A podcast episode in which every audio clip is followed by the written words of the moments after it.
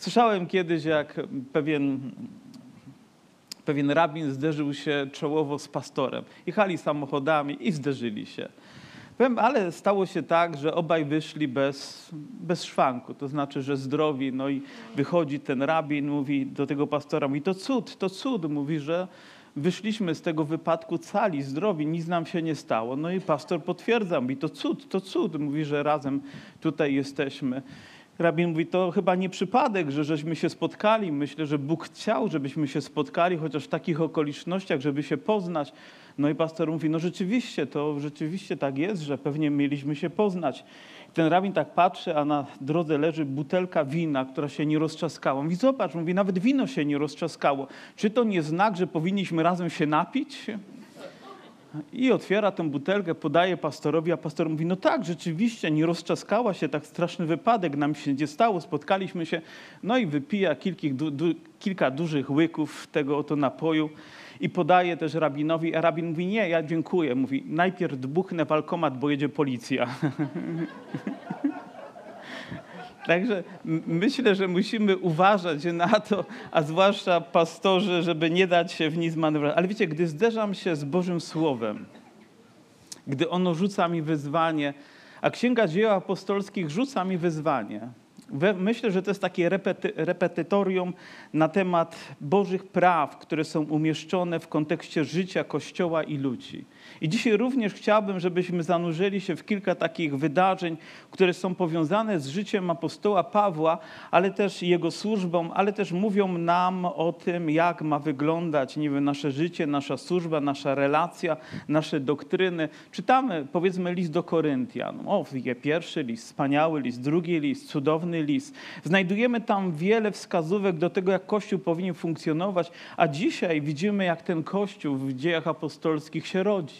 Jak idzie tam Paweł, aby zwiastować Ewangelię, jak wyrusza z Aten i wchodzi do, do korynckiej ziemi, jak to dobrze, że nie posłuchał być może tych wszystkich słów, które mówił, a do Koryntu to nawet nie idź, bo nawet nie wiesz, jaka tam jest Sodoma i Gomora. Jeżeli trochę znamy historię, to wiemy, że to nie było święte miasto. Jeżeli Ateny były złe, to Korynt był jeszcze gorszy jeszcze trudniejszym miejscem. A mimo to Paweł poszedł tam, aby dzielić się z nimi Ewangelią i nawet spotkał tam pewnego Żyda imieniem Akwila, o tym czytamy w 18 rozdziale, rodem z Pontu, który świeżo przybył z Italii i na Pryscylę, jego żoną, dlatego że Klaudiusz zarządził, aby wszyscy Żydzi opuścili Rzym i zbliżył się do nich. I oto nie tylko chrześcijanie, widać, znosili trudne czasy, ale naród żydowski z pokolenia w pokolenie był prześladowany. I tak jest w zasadzie do dnia dzisiejszego, że antysemityzm, on narasta i on wydaje się, że po tych dwudziestu wiekach powinien wyparować, nie powinien mieć miejsca,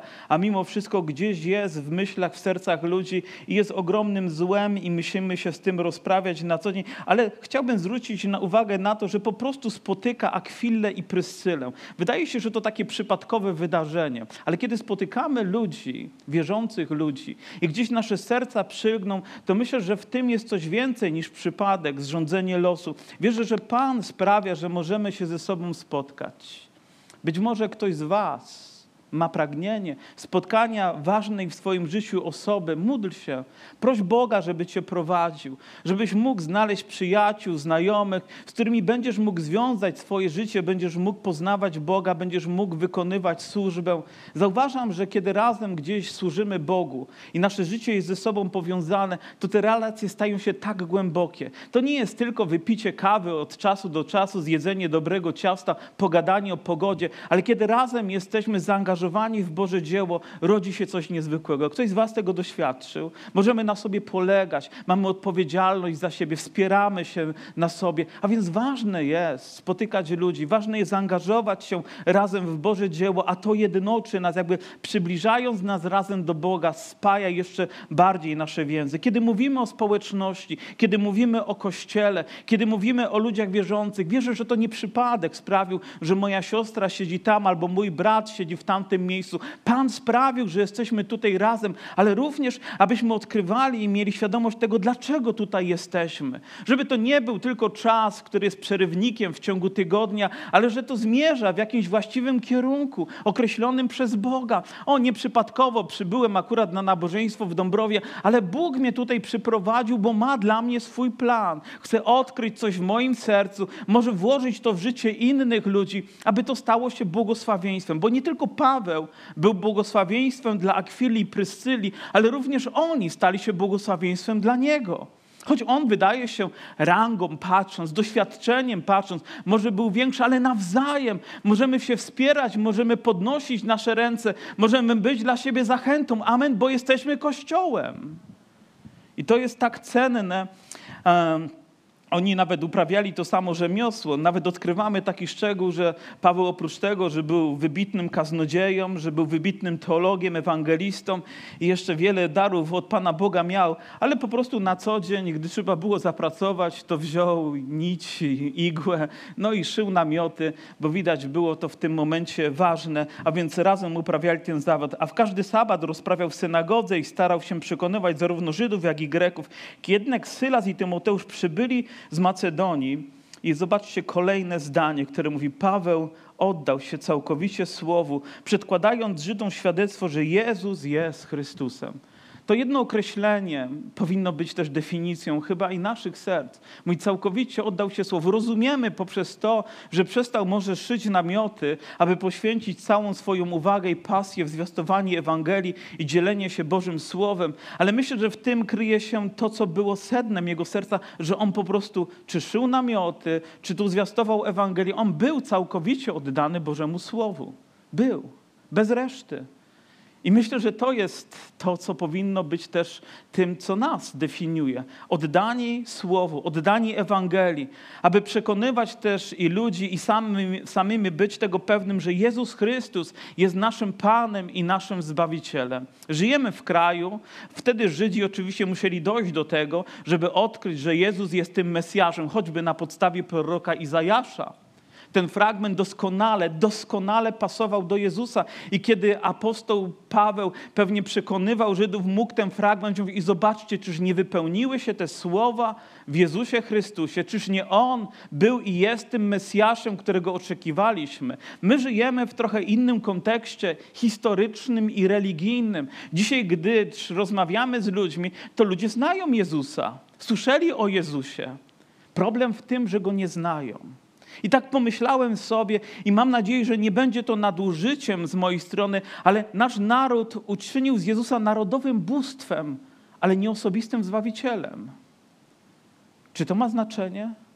Ma znaczenie, w jaki sposób odnosimy się do Jezusa. Nie jest ikoną czczoną gdzieś z dala, ale jest kimś, kogo spotykamy, kogo doświadczamy, z kim żyjemy, z kim przeżywamy te najwspanialsze i najtrudniejsze chwile naszego życia. On jest naszym Panem i Zbawicielem.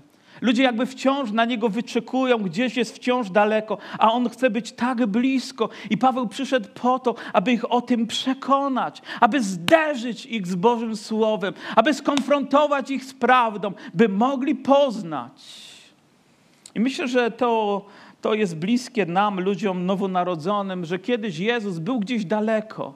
On był gdzieś zamknięty w jakimś miejscu świętym dla ludzi, ale był daleki od naszych serc. Aż jedna modlitwa, przynajmniej tak było w moim przypadku, jedna modlitwa nagle sprawiła, że ten, który był gdzieś na zewnątrz, teraz zacząłem odczuwać go od wewnątrz. Nie miałem tego świadomości, nie potrafiłem tego zdefiniować, nazwać właściwie teologicznymi słowami słowami, ale zacząłem odczuwać Boga od serca, od środka. Słyszałem Jego głos, który czytałem w Bożym Słowie, że był dla mnie, że był dla mojego życia i właśnie tego pragnął Paweł dla swoich krewnych, dla swoich e, współ, e, współziomków, można powiedzieć, współ, współludzi, którzy byli z tego samego narodu. Ale oni sprzeciwiali się i bluźnili. Otrząsnąwszy szaty, rzekł do nich – krew wasza na głowę waszą. Ja jestem czysty, od tej chwili pójdę do pogan. Wiecie, to nie znaczy, że ta chwila stała się chwilą, kiedy Bóg zapomniał o Izraelu, że Bóg nie chce, żeby ktokolwiek z nich przyszedł do poznania prawdy. Myślę, że tak nie było. W tym przypadku po prostu Paweł zerwał z tymi ludźmi, już nie mógł znieść tego, jak oni może naśmiewali albo w jaki lekceważący sposób podchodzili do Bożego Słowa. Wiecie, bo Boże Słowo jest cenne, jest wartościowe. Nawet czasami mamy takie słowo, które mówi, żebyśmy nie rzucali pereł przed wieprze, żeby nie zdeptały, żeby nie zniszczyły, bo Boże Słowo jest cenne. A więc gdy się spotykamy, gdy uwielbiamy Boga, gdy słuchamy Bożego Słowa, to jest cenny, to jest święty czas. Ponieważ perły są rzucane do naszego serca, poprzez nie stajemy się ubogaceni, stajemy się błogosławieni. Każdym słowem, które pochodzi z Jego ust, jest pokarmem dla naszej duszy. I dlatego tak ważne jest, i myślę, że tutaj też Paweł miał świadomość tego, co mówi księga Ezechiela, co mówi trzeci rozdział, i tam oto czytamy takie słowa: Jeżeli powiem do bezbożnego, na pewno umrzesz, a ty go nie ostrzeżesz i nic nie powiesz, aby bezbożnego ostrzec przed jego bezbożną drogą, tak abyś uratował jego życie, wtedy ten bezbożny umrze z powodu swojej winy ale ja uczynię cię odpowiedzialnym za jego krew. Lecz jeżeli ty ostrzeżesz bezbożnego, a on nie odwróci się od swojej bezbożności i od swojej bezbożnej drogi, wtedy on umrze z powodu swojej winy, a ty uratujesz swoją duszę. Paweł wypełnił swój obowiązek wobec tego narodu, wobec swoich krewnych wobec swoich rodaków, aby zanieść im Ewangelię, ale oni ją odrzucili. Wiecie, naszą odpowiedzialnością nie jest to, by ktoś był zbawiony. My nie jesteśmy zbawicielami, ale my jesteśmy tymi, którzy zostali posłani, by nieść nadzieję zbawienia. Naszą odpowiedzialnością jest podzielić się z Ewangelią. Ludzie mogą zawrzeć z emocji, mogą nas wyśmiać i wyszydzić, ale naszym obowiązkiem jest podzielić się tą prawdą, ponieważ w jakimś momencie życia ona może stać się tym ziarnem, do którego powrócą, i w tym momencie ono zacznie rozkwitać w ich życiu i przyniesie owoc zbawienia, czego świadectwa słyszymy również na co dzień, widząc Boże działanie. A później czytamy też, jak to Paweł został mm, pewnie mm, e, przez trudności przechodził, ale jeszcze jedno słowo. Chrystus przełożony synagogi uwierzył w Pana wraz z całym swoim domem. Także wielu z Koryntian, którzy słuchali, uwierzyło i przyjmowało chrzest. Myślę, że to są takie elementarne, fundamentalne prawdy, ale dla mnie one są tak teologicznie i tak duchowo ważne, że wiara i chrzest są nierozłączną parą że wiemy, że dopóki człowiek nie narodzi się na nowo, nie może być zbawiony, ale gdy narodzi się na nowo i gdy uwierzy, nie może i nie powinien odmówić chrztu. Wiecie, jeżeli chrzest nie ma znaczenia, to dlaczego jest tak podkreślany? Jeżeli my dzisiaj w jakikolwiek sposób zliberalizowaliśmy pojęcie chrztu albo umniejszyliśmy jego znaczenie, to może czas wrócić do Bożego Słowa i na nowo rzucić sobie wyzwanie, czy ono ma znaczenie dzisiaj dla ciebie? Czy ono ma znaczenie dla kogoś, z kim rozmawiam? Obok tak ma znaczenie, dla mnie ma fundamentalne znaczenie. Nawet gdybym poszedł trochę głębiej i powiedział, dlaczego nie jesteśmy na przykład w, w ekumenii? Czy ja jestem wrogiem tych ludzi, czy ja nie lubię tych ludzi? Ale jedną z, jednym z założeń bycia częścią ekumenii jest to, że musimy usankcjonować chrzest, który oni wykonują. A ja nie mogę zapłacić takiej ceny, znając Boże Słowo.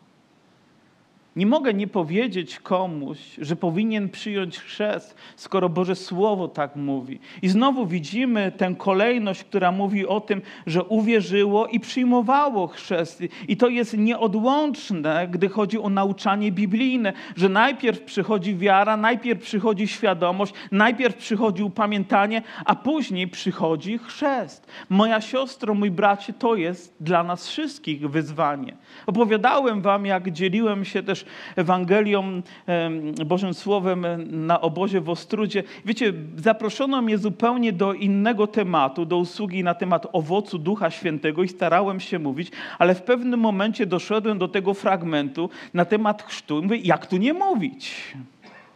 To tak jak z tym pastorem, który ciągle mówił o chrzcie. Nie wiem, czy słyszeliście, taki baptystyczny pastor.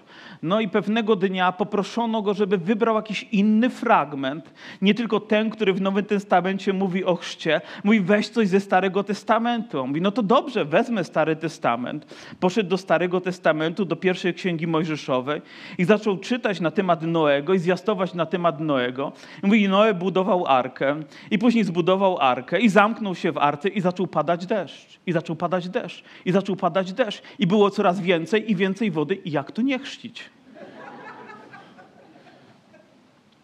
I mam wrażenie, że dochodzę do takiego samego miejsca, jak mogę nie mówić jak mogę nie zwiastować, jeżeli jest to fundamentalną prawdą dla naszego życia? To daje nam pewność. Nasza wiara musi mieć wyraz, nasza wiara musi mieć świadectwo, nasza wiara musi zapłonąć również tak szczerym oddaniem, jak oddaniem też i naszego ciała przez zanurzenie w wodzie, aby dać symbol i też świadectwo całemu światu, że umieramy dla tego świata, by powstać i żyć dla Chrystusa. Jeżeli dzisiaj na tym miejscu byłaby jedna osoba, która nie przyjęła chrztu, to powiedziałbym całe kazanie. Wiecie dlaczego? Bo to ma takie znaczenie, tak ogromny wpływ, tak ogromne błogosławieństwo. Więc nie możemy nie mówić, gdy ta księga krzyczy na ten temat gdy apostoł Paweł uczynił to nieodłącznym elementem swojego zwiastowania, o czym przekonamy się za chwilę, ale Pan mówi też do niego w widzeniu nocnym. Jak widać, był to człowiek, który słuchał Bożego głosu i Pan przemawiał do niego w różny sposób i również w widzeniach i przez sny. Ktoś z Was czasami ma różne sny. Dzisiaj rano, jadąc z żoną, dzieliłem się snem. Wiecie, czasami trudno jest dzielić się snami, bo ludzie powiedzą, a zwariowałeś, najadłeś się czegoś wieczorem. Miałem sen nie ma pewnie jakiegoś znaczenia, ale leciałem samolotem ze Stanów Zjednoczonych. To pamiętam wyraźnie. nawet nie wiem, po co tam byłem, ale była awaria i trzeba było przymusowo lądować. I nie wiem, dlaczego wylądowaliśmy na jakimś stadionie. Mówię, Boże, może jakiś czas na jakiś stadion, nie wiem. Ale, ale wiecie, zapamiętałem, gdzieś utrwaliło się to we mnie. Nie wiem, jakie będzie miało znaczenie. Nie zbuduję teologii na ten temat, dopóki Pan w jakiś sposób mi tego nie wie. Ale ten sen był wyraźny, był słowem dla Pawła, które tak też było potrzebne jego sercu i mówi tak, nie bój się, lecz mów i nie milcz, bo ja jestem z Tobą i nikt nie targnie się na Ciebie, aby Ci uczynić coś złego. Mam bowiem wielu ludzi w tym mieście i przebywał tam rogi sześć miesięcy i nauczał wśród nich Słowa Bożego. Czasami w ponadnaturalny sposób potrzebujemy takiego zapewnienia z nieba, że Bóg w tej sytuacji jest razem z nami. Prawda, że tak? Możemy chodzić, możemy znać Słowo, możemy cytować całe fragmenty, ale gdzieś wewnątrz nas i widać w Pawle, Pawle też zrodziła się jakaś obawa. W tym gigancie wiary widać, zrodziły się jakieś myśli, że może niepokoju, może tego, że za chwileczkę będzie prześladowany w tym mieście. Każdy z nas ma emocje, każdy z nas ma wrażliwość, a więc gdy przychodzą również i takie chwile, to nie jest nienaturalne dla nas, bo jesteśmy ludźmi bo mamy swoje obawy, mamy swoje lęki czasami, nawet stąpając tutaj po ziemi. Tacy jesteśmy, ale Bóg przychodzi do tego człowieka, aby zapewnić go i przychodzi do mnie, aby zapewnić mnie, może również i poprzez to słowo w tej sytuacji, w której jesteśmy. Nie bój się, bo ja jestem z Tobą.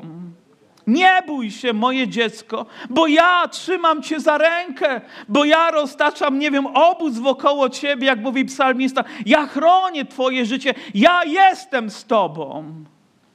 Nawet jeżeli przechodzimy przez doliny, z Jezusem chcemy przechodzić. Wspinamy się w górę, z Jezusem chcemy być. Przychodzą problemy finansowe, z Jezusem chcemy je rozwiązywać. Przychodzą problemy małżeńskie, abyśmy nie musieli przez nie przechodzić bez Jezusa. Tak bardzo go potrzebujemy. Nie bój się. Nie bój się, bo ja jestem z Tobą.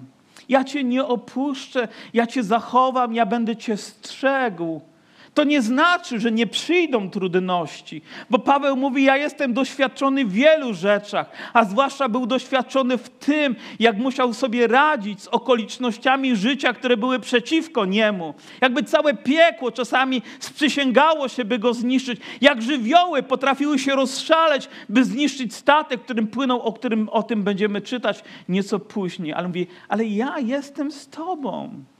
Czyż to nie jest najważniejsza prawda naszego życia i tak cenna, którą odkrywamy i za którą powinniśmy wciąż wielbić Boga? Ja jestem z Tobą, moje dziecko. I to wystarczy, by nasze serce mogło się uspokoić. Amen? Ja jestem z Tobą. Nie opuszczę Cię, nie zostawię Cię. I był tam przez rok i sześć miesięcy. Jak myślicie, jak długo by wytrwał bez Pana?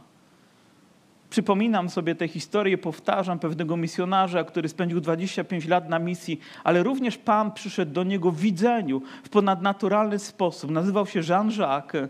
Wiem, że jest tutaj osoba, która ze mną była na obozie, gdy ten człowiek zwiastował Ewangelię i mówi tak, nie byłoby mnie tam ani jednego dnia dłużej, gdyby nie to, że Bóg przekonał mnie o tym w ponadnaturalny sposób. Nie byłoby mnie. I On dzisiaj jest na tym miejscu, aby przekonać nas. Oto przychodzą trudności, oto buntują się ludzie, że oto oddaje w niewłaściwy sposób Bogu, niezgodnie z zakonem. Oczywiście, któż to mógł zrobić, jak nie jego rodacy? I oczywiście próbują go postawić przed sądem, ale widać, sąd jest mądry tutaj i nie wymierza mu żadnej kary w związku z tym, ponieważ to sprawa dotyczy, powiedzmy, religii, pobożności, a nie spraw zasadniczych a więc Bóg go ochronił i idzie dalej. Ale tutaj jakby fragment przenosi się do innej osoby, do Efezu, do pewnego człowieka, który jest Żydem, na imię ma Apollos, jest rodem z Aleksandrii. O, być z Aleksandrii. I wiecie, wtedy to miało znaczenie. Dzisiaj Aleksandria jest jakimś punkcikiem tylko na mapie, a wtedy było metropolią nauki. Tam była największa biblioteka świata. Tam byli ludzie najlepiej wykształceni. A więc gdybyśmy powiedzieli, że nie wiem, nie chcę powiedzieć, że z Warszawy, bo to tak, nie wiem z jakiego miasta by tutaj powiedzieć, no z Będzina też nie, no Szczeladzi tym bardziej, nie? Albo jeszcze tam Sosnowca. Ale były, są takie miasta, które mają znaczenie, nie? Z Harvardu ktoś na przykład był, albo gdzieś z jakiegoś miejsca, to czy skończył taką uczelnię, to ma znaczenie. A więc był człowiekiem dobrze wykształconym i nawet czytamy o tym, że był biegły w pismach. To znaczy, że potrafił je rozpoznawać, znał te pisma, Boże pisma. Był on obeznany z drogą pańską, a pałając duchem. No czego tu chcieć od człowieka? Obeznany z drogą pański, pałający duchem. Słowo, które tutaj jest duchem, proszę zwróćcie uwagę na to, jak jest zapisywane. I wiem, nie wszyscy z nas jesteśmy takimi biblistami, którzy gdzieś grzebią w Grece, jak to zostało tam zapisane, jak zostało przetłumaczone. Dla nas w większości wystarczy, że to duchem jest małej litery, czyli oznacza nie ducha Bożego, ale ducha jakiego? Naszego. Widać, jest różnica między pałaniem duchem a duchem. Tak? Jest między duchem a duchem różnica. Czy to jest z nas, czy to jest też z Boga? Czy my pałamy, powiedzmy, entuzjazmem, czy w tym wszystkim jest coś więcej? On pałał duchem, znał pisma, był obeznany z drogą pańską przemawiał, nauczał wiernie tego, co, co się odnosi do Jezusa, choć tylko znał chrzest Jana. Ten to począł mówić śmiało w synagodze, a gdy Pryscyla i Akwila usłyszeli, zajęli się nim i wyłożyli mu dokładniej drogę Bożą. Wiemy, że Akwila i Pryscyla znali Pawła, znali jego nauczanie, znali jego nauki. I kiedy usłyszeli również tego człowieka, Polosa i porównali z tym, czego uczył Paweł, to mówią, czegoś nam tutaj brakuje. Czegoś nie ma w tym nauczaniu. Pała jest obeznany w pismach, jest skuteczny nawet w swojej mowie, ale czegoś brakuje, coś trzeba dopełnić. A więc wzięli go gdzieś do namiotu, zamknęli zasuwak i powiedzieli, a teraz ci wyłożymy dokładniej. Zrobili to pewnie z miłością, zrobili to z wrażliwością, ale zrobili to tak, aby jego służba mogła być jeszcze bardziej owocna w tym, co czyni. Wiecie, niełatwo jest ludziom, którzy usługują, przyjmować to uzupełnienie, którego potrzebują, ponieważ my już wszystko wiemy. My już poznaliśmy pisma, my rozumiemy lepiej niż inni i nie będą mi tam jacyś szeregowi członkowie zboru mówić, co ja mam wiedzieć na ten temat. Ale tak nie przemawia pokora. Może właśnie dlatego, że taką postawę przyjmujemy, to czasami jesteśmy ludźmi w potrzebie, którzy powinni te słowa usłyszeć. Ale czegoś brakowało. I chciałbym, żebyśmy to odkryli w następnym rozdziale, bo on zwalczał wielce, rzeczywiście e, wykazując pism, że Jezus jest Chrystusem wśród Żydów, ale przeskakujemy do 19 rozdziału i tutaj na samym początku Apolos przebywał w Koryncie oprzed Paweł, a więc on udał się do Koryntu. I ciekawe to jest to, że później to ma znaczenie. Apostoł Paweł, gdy mówi do Koryntian i mówi o problemach, które mówi, bo jeden z was mówi, ja jestem jaki? Apollosowy. Czyli wywarł taki wpływ, że ludzie się z nim utożsamiali, a inni mówili, a ja jestem Pawłowy.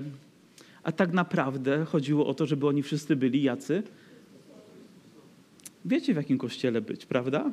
Żebyśmy wszyscy byli w tym właściwym kościele, Chrystusowym. Znaczy, żebyśmy byli pod Jego rządami, żebyśmy byli pod Jego wpływem, pod Jego nauką, bo to cielesność czasami nasza przemawia, a ja jestem zielonoświątkowiec, a ja jestem baptysta, a ja jestem wolny chrześcijanin. To znaczy niezbyt szybki. Ja, ja jestem jeszcze. A czyż nie chodzi o to, że wszyscy jesteśmy po prostu Bożymi dziećmi? Że wszyscy czytamy te same słowo? Że przed Nim przed tym samym Bogiem zginamy nasze kolana, że do Niego wszyscy się modlimy, to nasza cielesność, czasami nasza arogancja jakby wypiętrza te rzeczy. Ale Bóg chce, byśmy we właściwy sposób je traktowali. A więc miał wpływ, ale tutaj czytamy o tym, że Paweł zaś w, w, okolicach Efezu i rzekł do nich, bo pojawili się pewni uczniowie mm, w Efezie, spotkawszy niektórych uczniów, rzekł do nich. I zwróćcie uwagę również i na to, niektórych uczniów, natomiast nagłówek, kto ma Brytyjkę? Kto ma Brytyjkę? Biblię. Kto czyta na co dzień Brytyjkę? Powiedzcie mi, ręka w górę. Brytyjkę. Starą, dobrą Brytyjkę czytamy. Teraz jest wiele tłumaczeń prawda? Mnóstwo jest różnych tłumaczeń. Kiedyś doktor Billy Graham, kiedy przemawiał na temat Bożego Słowa i mówi, jak ja się cieszę, że są te wszystkie nowe, dynamiczne tłumaczenia. Mówi, jak one mi przypominają Biblię. Ja, ja, jestem przyzwyczajony do Brytyjki, jestem przyzwyczajony do tekstu, jestem przyzwyczajony do, do wyrazów i ciężko mi się przestawić. Wierzę, że inne uzupełniają, ale, ale ale mm, nie, nie, nie, o, nie, o, to w tym chodzi. A więc chodzi o to, że nich, czy otrzymaliście Ducha Świętego, gdy uwierzyliście, a nie mu na to. Nawet nie słyszeliśmy, że jest Duch Święty. Oto przyszli do Efezu niektórzy uczniowie, a w nagłówku właśnie w Brytyjce mamy uczniowie Jana Chrzciciela. I wszyscy mówią, oto byli uczniowie Jana Chrzciciela, czyli musieli spotkać Jana Chrzciciela. Jan Chrzciciel powiedział im kazanie. Oni pod wpływem tego kazania dali się ochrzcić, ale tekst o tym nie mówi. Tekst mówi wcześniej o tym, że Apollo znał chrzest Jana, że on zwiastował Ewangelię w ten sposób i chrzcił pewnie tych ludzi chrztem, który znał chrztem Janowym. A więc bezpośrednio mogli być to uczniowie Apollosa, a nie bezpośredni uczniowie Jana. Przynajmniej taki wniosek możemy wysnuć z tego rzekł do nich, czy otrzymaliście Ducha Świętego, gdy uwierzyliście? I myślę, że to jest tak ważne również i dla nas pytanie, bo oto oni byli ludźmi wierzącymi, byli ludźmi ochrzczonymi, ale nie słyszeli nigdy o Duchu Świętym. Jak to możliwe? Jak to możliwe, że ten temat nie pojawił się, że był zamieciony, czy nie został wyłuszczony? Czy może właśnie dlatego Akwila i Pryscylla spotkali się z Apollosem po to, żeby powiedzieć mu o Duchu Świętym, po to, żeby może włożyć na niego ręce i modlić się, aby otrzymał pełnię Ducha Świętego? Ja wiem, że teraz wychodzę trochę poza granicę, ale taki scenariusz dla mnie jest bardzo prawdopodobny, że czegoś brakowało i gdy przyszli ci uczniowie, on mówi, ale czy otrzymaliście Ducha Świętego tak od razu, prosto z mostu? Nie, nie próbował zrobić jakiego wstępu, no to powiedzcie mi trochę więcej na temat swojej nauki, o jak zostaliście wierzącymi, jak do tego doszło, może swoje świadectwo mówi, czy otrzymaliście Ducha Świętego, czy to jest aż tak ważne, by nie uwijać w bawełnę, ale zwrócić się bezpośrednio? Czy nie powinni o tym wiedzieć? Co nas przekonuje o tym, że jesteśmy? On mówi, nawet nie słyszeliśmy. Wtedy rzekł, więc, jak więc zostaliście ochrzczeni? A oni chrztem Janowym. I znowu pojawia się słowo chrzest i znowu ci dobrzy ludzie, pobożni ludzie, bo Jan ma bardzo ortodoksyjną szkołę, to nie jest takie letnie chrześcijaństwo. To nie są ciepłe kluchy, ale to są wyzwania, przed którym ci ludzie stawali. Post to był post. Właściwy ubiór to był właściwy ubiór. Pobożność to była pobożność. A mimo to potrzebowali czegoś więcej w swoim życiu. Więc zostali ochrzczeni i pewnie przez zanurzenie chrztem Janowym, a, a Pan mówi, ale nie, mówi, skoro uwierzyliście w Jezusa, to powinniście być ochrzczeni w Jego imieniu. Wielu ludzi mówi, a ja już byłem ochrzczony. Ale chrzest ma znaczenie. Nie tylko, że zostałeś ochrzczony, ale kiedy, jak zostałeś ochrzczony, to również ma znaczenie. Myślę, że tutaj pojawia się taki konflikt trochę. No bo ktoś mówi, ale ja będąc dzieckiem, drodzy moi rodzice, w asyście rodziców chrzestnych, przyprowadzili mnie gdzieś przed tam kapłana i ten pokropił czy polał wodę, wypowiedział te ważne słowa, ale czy to był ten chrzest, którego potrzebowało moje serce, to powiedzcie, to po co dałem się ochrzcić po raz kolejny? Jeżeli chrzest nie ma znaczenia, to dlaczego podjąłem te decyzje?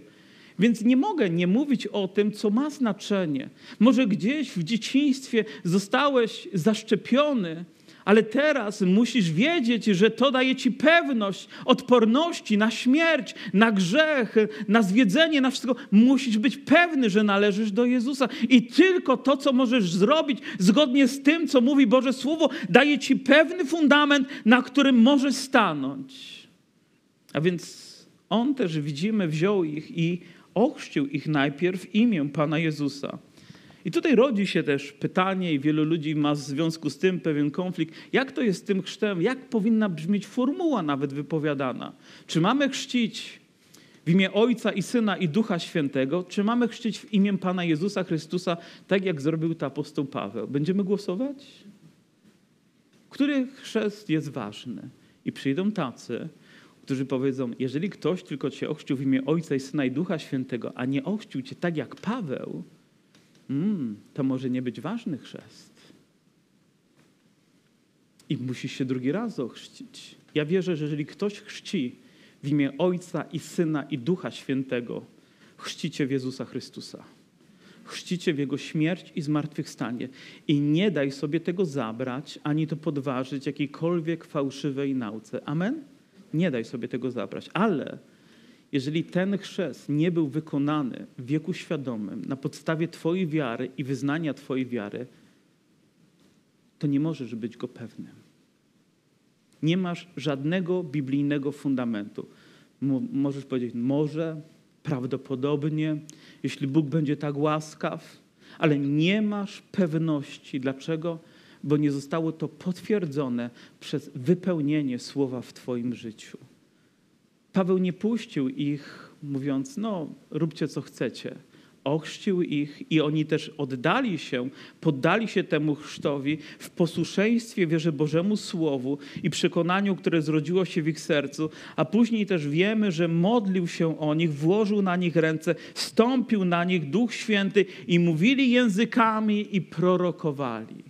A więc zewnętrznym, takim manifestującym się obrazem tego wewnętrznego, duchowego przeżycia było to, że w ich ustach pojawiły się języki, nowe języki, dar glossolaris, czyli nowymi językami uwielbiali Boga, czy byli to anielskie języki, czy były to języki, Boże, innych nacji, ale dla nas nieznane, a tutaj nam objawione i darowane, byśmy nimi uwielbiali Boga i prorokowali. To nie znaczy, że oni przepowiadali przyszłość, mówiąc, a jutro o tej porze, tam i tam wydarzy się to i to, tylko po prostu były to prorocze słowa uwielbiające, wywyższające, objawiające prawdę o Bogu, mówiące o Jego dziełach, mówiące o Jego chwale, ale po prostu zareagowali. Zastanawiałem się bardzo głęboko, dlaczego jednym narodom rzeczy przychodzą łatwiej, gdy chodzi o sprawy duchowe, a innym narodom przychodzą rzeczy trudniej. Zauważyliście to? Że w jednych narodach widzimy jakieś duże poruszenie, jakieś przebudzenie, które wręcz się toczy. Oto nawet mamy tą, tą sytuację, gdzie Duch Święty stępuje do górnej izby. Czy widzieliście, gdzie jest modlitwa o 9.30 w każdą niedzielę? W górnej izbie, a więc warto tam być. Ale, ale w tej górnej izbie, dlaczego oni tak zareagowali spontanicznie? Dlaczego z taką otwartością? Czy to wynikało z ich religijności? Czy to wynikało z ich kultury? Czy to wynikało z ich pragnienia, oczekiwania? I wiecie, że odpowiedź nie jest tylko jedna tak na to pytanie. Jakby kultura żydowska i ich pobożność charakteryzowało się nie taką introwertyczną formą pobożności, że teraz gdzieś wewnątrz będziemy się modlić, w środku będziemy się modlić, ale oni każdą modlitwę wyrażali głośno. Kiedy jedzą chleb, to mówią: O Boże, nieba i ziemi, dziękuję Ci za te dary. Kiedy błogosławią, to wzniosą ręce i powiedzą słowo, nie tylko pomyślą, ale wyrażą to. Naturalną rzeczą dla nich jest to, że modlitwa głośna jest modlitwą. Modlitwa powinna być wyrażana. I gdy przyszedł Duch Święty i ten ogień dotknął, czy ktoś z Was kiedyś się oparzył, chociaż raz w życiu, chociaż wrzątkiem, nie wiem, kroplą wrzątku, kto z Was się oparzył, chociaż raz? I, i przełknęliście to się, mm, mm, jak mi ciężko? Krzyknęliśmy, ała! Zabolało. Gdybyście Janusza widzieli po robocie, nie ma tygodnia, żeby on się nie oparzył. On już chyba nie reaguje na to, ale w każdym bądź razie reagujemy. Reagujemy, gdy przychodzi ogień, reagujemy, gdy przychodzi woda, reagujemy na pewien dotyk, reagujemy. Więc dlaczego, gdy przychodzi Duch Święty, milczymy? Dlaczego próbujemy zdusić? I te nacje, te narody, które są tak otwarte, są tak naturalnie otwarte, oczekujące, one wyrażają to, one uwielbiają i stają się niemalże kanałem, przez który Bóg przepływa, że to nie jest hamowane, nie jest duszone, nie jest gdzieś przyciśnięte, ale ich serce jest poruszone, jest napełnione, a ich usta w tak swobodny sposób wyrażają temu chwała Ci Boże. Wiecie, ludzie w pracy mogą mówić o głupotach, o różnych złych rzeczach, mogą opowiadać świńskie kawały, ludzie się śmieją, reagują, ale zacznij mówić o Jezusie, o tym, co przeżywasz razem z Nim. Jakże będzie to nienaturalne, jakby obce, jak zgrzyt gdzieś palcami po parapecie, pazurami. Wiecie, jak to brzmi. Naturalną rzeczą jest, że Kościół pełen Ducha Świętego reaguje spontanicznym uwielbieniem. Ja nie mówię, że musi to być dar języków, bo może to być inny dar, ale naturalną rzeczą jest, że masz pragnienie uwielbić Boga, masz pragnienie powiedzieć: Chwała Ci Boże, za to, że jesteś wielki, za to, że mnie zbawiłeś, za to, że jestem Twoim dzieckiem, że należę do żywego kościoła, że łaska dotknęła moje życie. To jest reakcja na Boże działanie. To jest reakcja, gdy przychodzi Duch Święty. Nie milczymy, ale całymi sobą żyjemy dla Niego. Uwielbiamy Go. I oczywiście chodzi o coś więcej niż zaśpiewanie pieśni, może coś więcej niż krótką modlitwę gdzieś w trakcie pauzy między jedną siostrą a innym bratem, ale chodzi o to, że całym sercem mamy to głębokie pragnienie wyrażania chwały dla Niego, nawet naszymi rękami, naszymi czynami. Chcemy chcemy, żeby we wszystkim Jezus był uwielbiony. Aleluja. Ale gdybyście widzieli wasze poruszenie teraz na tym miejscu, powiem, Duch Święty miałby niejednym problem, gdyby przyszedł w tej samej mocy, w której przyszedł tam w dniu pięćdziesiątnicy, aby poruszyć dzisiaj serca ludzi.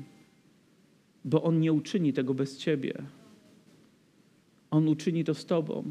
On uczyni to za Twoim przyzwoleniem. Jedźcie do Ameryki Południowej. Wiecie, jaki oni mają temperament. Wiecie, jakie tańce tańczą nawet. I wejdźcie do kościoła, który uwielbia Boga. A później zobaczycie olimpijski basen, gdzie nie ma pół metra kwadratowego wolnej przestrzeni, bo cały jest wypełniony ludźmi, którzy chcą się ochrzcić. Myślę, że właśnie tego potrzebujemy, prawda? Nie chcemy tylko chrześcijan, którzy przyjdą i wyjdą. Chcemy chrześcijan poruszonych mocą Ducha Świętego, żyjących w pełni dla Boga, bo wtedy chrześcijaństwo ma znaczenie. Chcemy ludziom nawet z najwyższych szeregów powiedzieć świata religijnego, no co z tego, że znasz, co z tego, że pałaś, co z tego, że wiesz, bądź jeszcze posłuszny, bądź jeszcze wierny. Może brakuje nam takiej cywilnej odwagi, by wyrazić te Boże prawdy, a one są tak i amen, niezmienne dla każdego człowieka, również i dla mnie. Jeżeli Bóg mógł poruszyć moje serce, to myślę, każde poruszy. Jeżeli Bóg zbawił mnie, każdego może zbawić. Jeżeli Bóg rozpalił mnie, każdego może rozpalić. Każdego. Po prostu pozwól mu na to. Wiecie, tak bardzo chciałbym, naprawdę gdzieś w głębi serca marzę, żeby każde nabożeństwo rodziło się owocem chwały dla Jezusa. Jest basen, chrzcimy od razu. Jest puste naczynie, modlimy się i przychodzi Duch Święty, aby stało się pełne Jego łaski, Jego mocy uwielbienia dla Niego. Pamiętacie w domu Korneliusza, gdy przyszedł Duch Święty, na pogan, którzy nawet nie wiedzieli, co to znaczy, że Duch Święty przychodzi. Ale widzimy, w jak spontaniczny sposób uwielbiali Jezusa. Uwielbiali Jezusa. Chcę być w kościele, który go wielbi.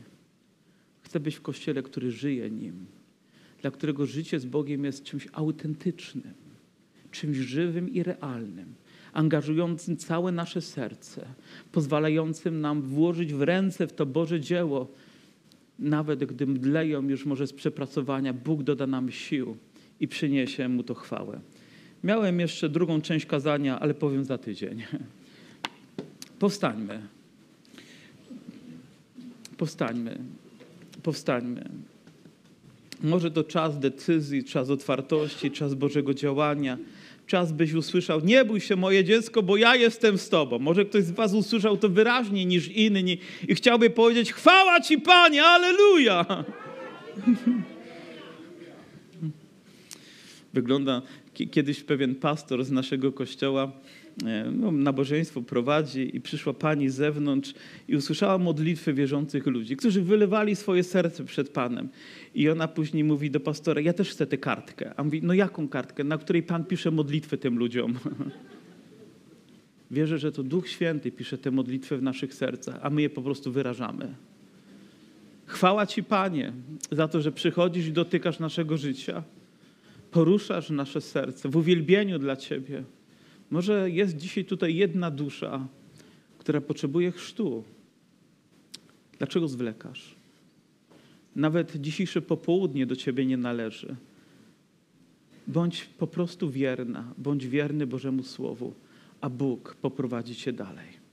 Jeżeli jest tutaj jedno serce, które potrzebuje pełni Ducha Świętego, które wyrazem jest takie naturalne, spontaniczne, szczere, głębokie uwielbienie, możesz być jak Apollos, Możesz być człowiekiem znający pisma, żyjący w prawdzie, a nawet pałający pewną gorliwością, ale czegoś brakuje. I ty masz tego świadomość, bo ja ją miałem. Bo ja ją miałem. Aż przyszedł Duch Święty i ponad wszelką wątpliwość wiem, że On przyszedł. Wiem, że wypełni moje serce. Wiem, że przemienił mnie, a poprzez to Kościół.